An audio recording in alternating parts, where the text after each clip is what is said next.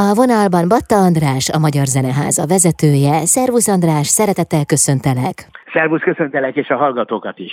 Újabb, innovatív térrel várja a látogatókat a Magyar Zeneháza, ez pedig nem más, mint a kreatív hangtér.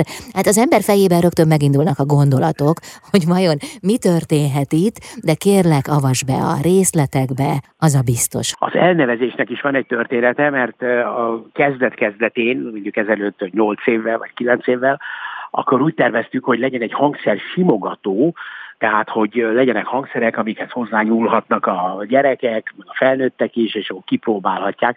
Aztán rá kellett jönnünk, hogy azért az, a, a normál uh, akusztikus hangszereknél ez egy kicsit irozórikus, mert aki nem tud hegedülni, az, az hiába simogatja a hegedűt, az nem fog megszólalni, meg hogyha már mondjuk az ötvenedik ember kipróbálja a hegedűt, akkor az a hegedűnek nem biztos, hogy annyira jót tesz, és akkor, akkor kitaláltuk, hogy legyen egy hangszerlabor, ahol olyan olyan szerkentyűk lennének, amiket egy zseniális magyar fiatal muzsikus Váci Dániel fedez fel és alkot meg, talál föl, amik nem a szó vett hangszerek, hanem, hanem ritmus, hang megszólaltatására alkalmatos, vagy elektromos, vagy digitalizált, vagy valamiféle mechanikus szerkentyű, és akkor ebbe maradtunk körülbelül, míg aztán egyszer azt mondta Bán László, az egész Liget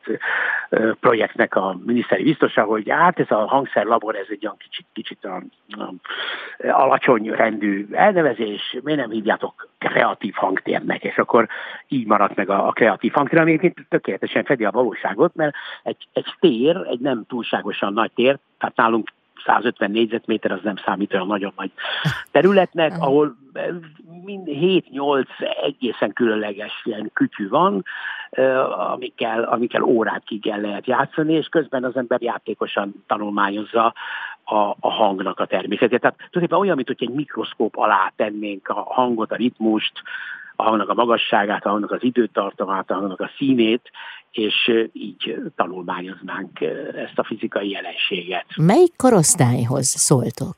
Nekünk ugye az alapkorosztályunk, a célközönség az 10 és 18 éves kor közötti látogató, de miután azt látjuk, hogy a 80 évesek is boldogan jönnek és játszanak. Tehát tulajdonképpen nehéz azt mondani, hogy ez csak gyerekeknek szólna ez a kreatív hangtér. Ugye nagyon pici gyerekek még nem élvezik, tehát mondjuk azt, hogy egy olyan, olyan 5-6 éves kortól már élvezik, és onnantól kezdve onnantól kezdve bármeddig. Persze mi ezt a, a, a zenepedagógiai koncepciónkba ágyazzuk, ami, ami azt jelenti, hogy ezek a gyerekcsoportok, diákcsoportok nagyon szépen jönnek, minden nap itt találunk a zeneházában egy-két ilyen csoportot, és akkor ő nekik egy, egy külön stúdium, hogyha ezt a szót lehetne használni egyáltalán a zeneházánál, mert ugye nem stúdiumról beszélünk, hanem élményszerű zeneismeretekről, szórakoztatva tanításról, vagy tanulásról, tehát mégis egy olyan, olyan felfedezés lenne ezeknek a gyerekcsoportnak a számára, amit a zenetörténeti, meg a zenei univerzumban tett kirándulásuk mellett hazavihetnek emlékként magukban. A kreatív hangtér végül is, ha jól értem, akkor valahol arra keresi a választ, hogy hogyan jön létre a hang, egyáltalán milyen jellemzői vannak, mivel irányítható. Ezek izgalmasabbnál izgalmasabb kérdések.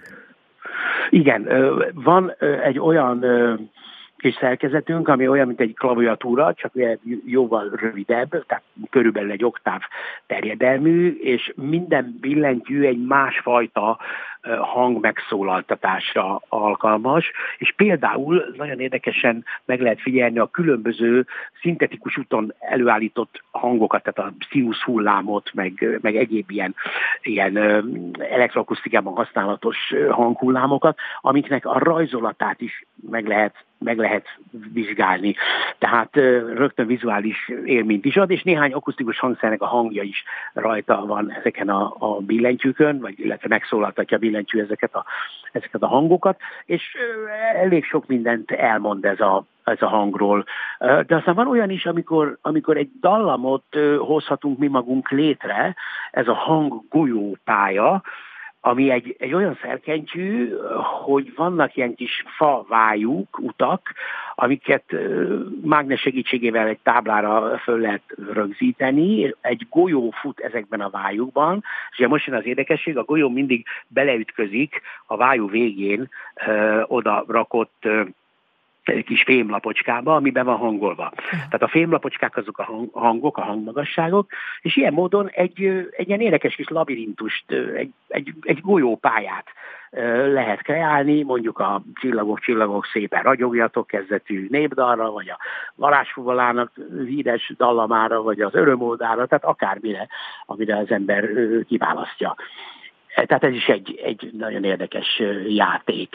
Aztán van egy, van egy nagyon különleges dolog, ami, ami egy Chladni nevű német fizikusnak a nevéhez kapcsolódik 18. század vége felé. Ez a bizonyos Chladni lemez, vagy Chladni gömb, attól függ, hogy hogy oldotta meg. E, gyakorlatilag egy, egy lemezről van szó, fémlemezről, hogyha jól tudom, amin amire rászólt homokot. És akkor ennek a fémlemeznek az oldalát egy volóval regzgésbe hozta. És attól függően, hogy, hogy uh, hol szólaltatta meg a lemez, attól függően uh, a, a hullámok, a hanghullámok átalakultak vizuális képé. Tehát a, a homok, a homok szemcsék nagyon érdekes alakzatokat vettek fel.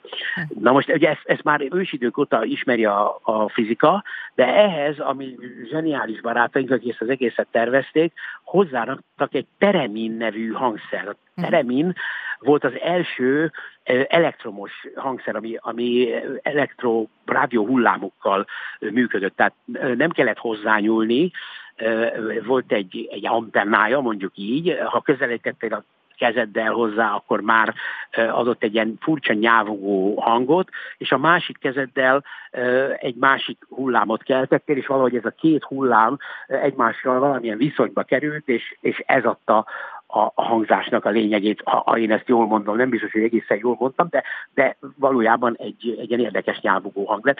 1919-ben találtak egy orosz ember, és őróla nevezték el Tereminnek. Na most a Teremin és ez a, ez a hladni lemez, ezek kölcsönhatásba kerülnek, és akkor a, a hangnak a, a természetét ezen a homok alakzaton gyönyörűen lehet követni. Mm. És ha még egyet szabad, egy, az egy ritmus példa is, Igen. egy, egy hajtány, tehát amit a, a, a sínen uh, használnak, ugye amikor négy kerék gurul, és két ember ugye hajtányjal hajtja ezt a kis szerkezetet. Ez ugyanez, hogy két gyerek vagy felnőtt hajthatja, hogy leföl húzigálja azt a, azt a középső kart, amitől, amitől a hajtány elindult, csak ugye itt nem mozog a hajtány, hanem van három tárcsa, a tárcsában különböző ütőhangszerek, és akkor ki lehet választani programozással az ütőhangszernek a fajtáját, a ritmusnak a sűrűségét, a tempót ennek a hajtánynak a hajtása adja meg, és mindez még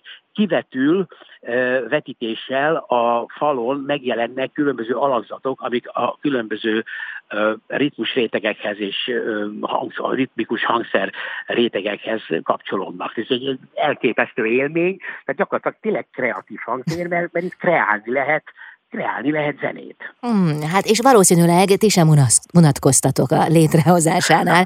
Na, nagyon élveztük, tehát eh, mikor már lehetett úgy használni, még a megnyitás előtt, akkor persze lelopakodtunk, és, és próbáltuk elsajátítani ott a dolgokat, de aztán tegnap volt a sajtótájékoztató, újságírók beszabadultak, és alig tudtuk elkezdeni a sajtótájékoztatót, mert senki nem akart kijönni, mindenki elkezdett játszani vele, de most ugyanez jellemző, már teszteltük gyerekekkel, gyerekcsoportokkal, még most mielőtt megnyitottuk volna, és hát ugyanez van, hogy, hogy boldogszóan élvezik. Van még egy kis stúdiónk, ahol fölvehetik magukat, hazaküldhetik azt, amit fölvettek.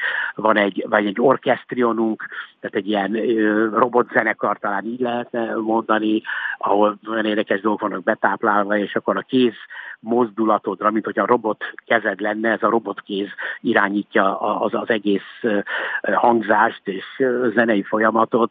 Szóval hát egy isteni dolog, ezt, ezt, ezt ki kell próbálni, Remélem, hogy logisztikailag tudjuk majd kordában tartani a dolgokat, mert ez biztos, hogy, hogy óriási érdeklődést fog kiváltani. Hát ide kell egy ember, aki valamilyen módon, Igen. ugye véget vet, a, de amikor vége van, akkor vége van. Egyrészt, másrészt pedig hát, aki segít ezeket a, a szerkentyűket kezelni, mert hát ez ugye jó az ember, amikor már két-három órát eltöltött, akkor tudja, de amikor csak úgy belép, akkor ahhoz kell a vezetés, uh-huh. de nagyon, nagyon érdekes. Tehát akkor most megvannak az elemek, a zene elemei, megvan a zene története, megvan a zene univerzuma, ugye a hangdomban, ami szintén nagyon szépen fejlődik, és már legalább öt különböző műsorunk van, ott a, a hangdomban különböző kísérleti hangzások is, meg a körülvevő világnak a, a hangjai, elektroakusztikus dolgok is. Úgyhogy hát nagyon szépen fejlődünk, és hát azért büszkén hagyd mondjam el, hogy négy hónapja vagyunk nyitva,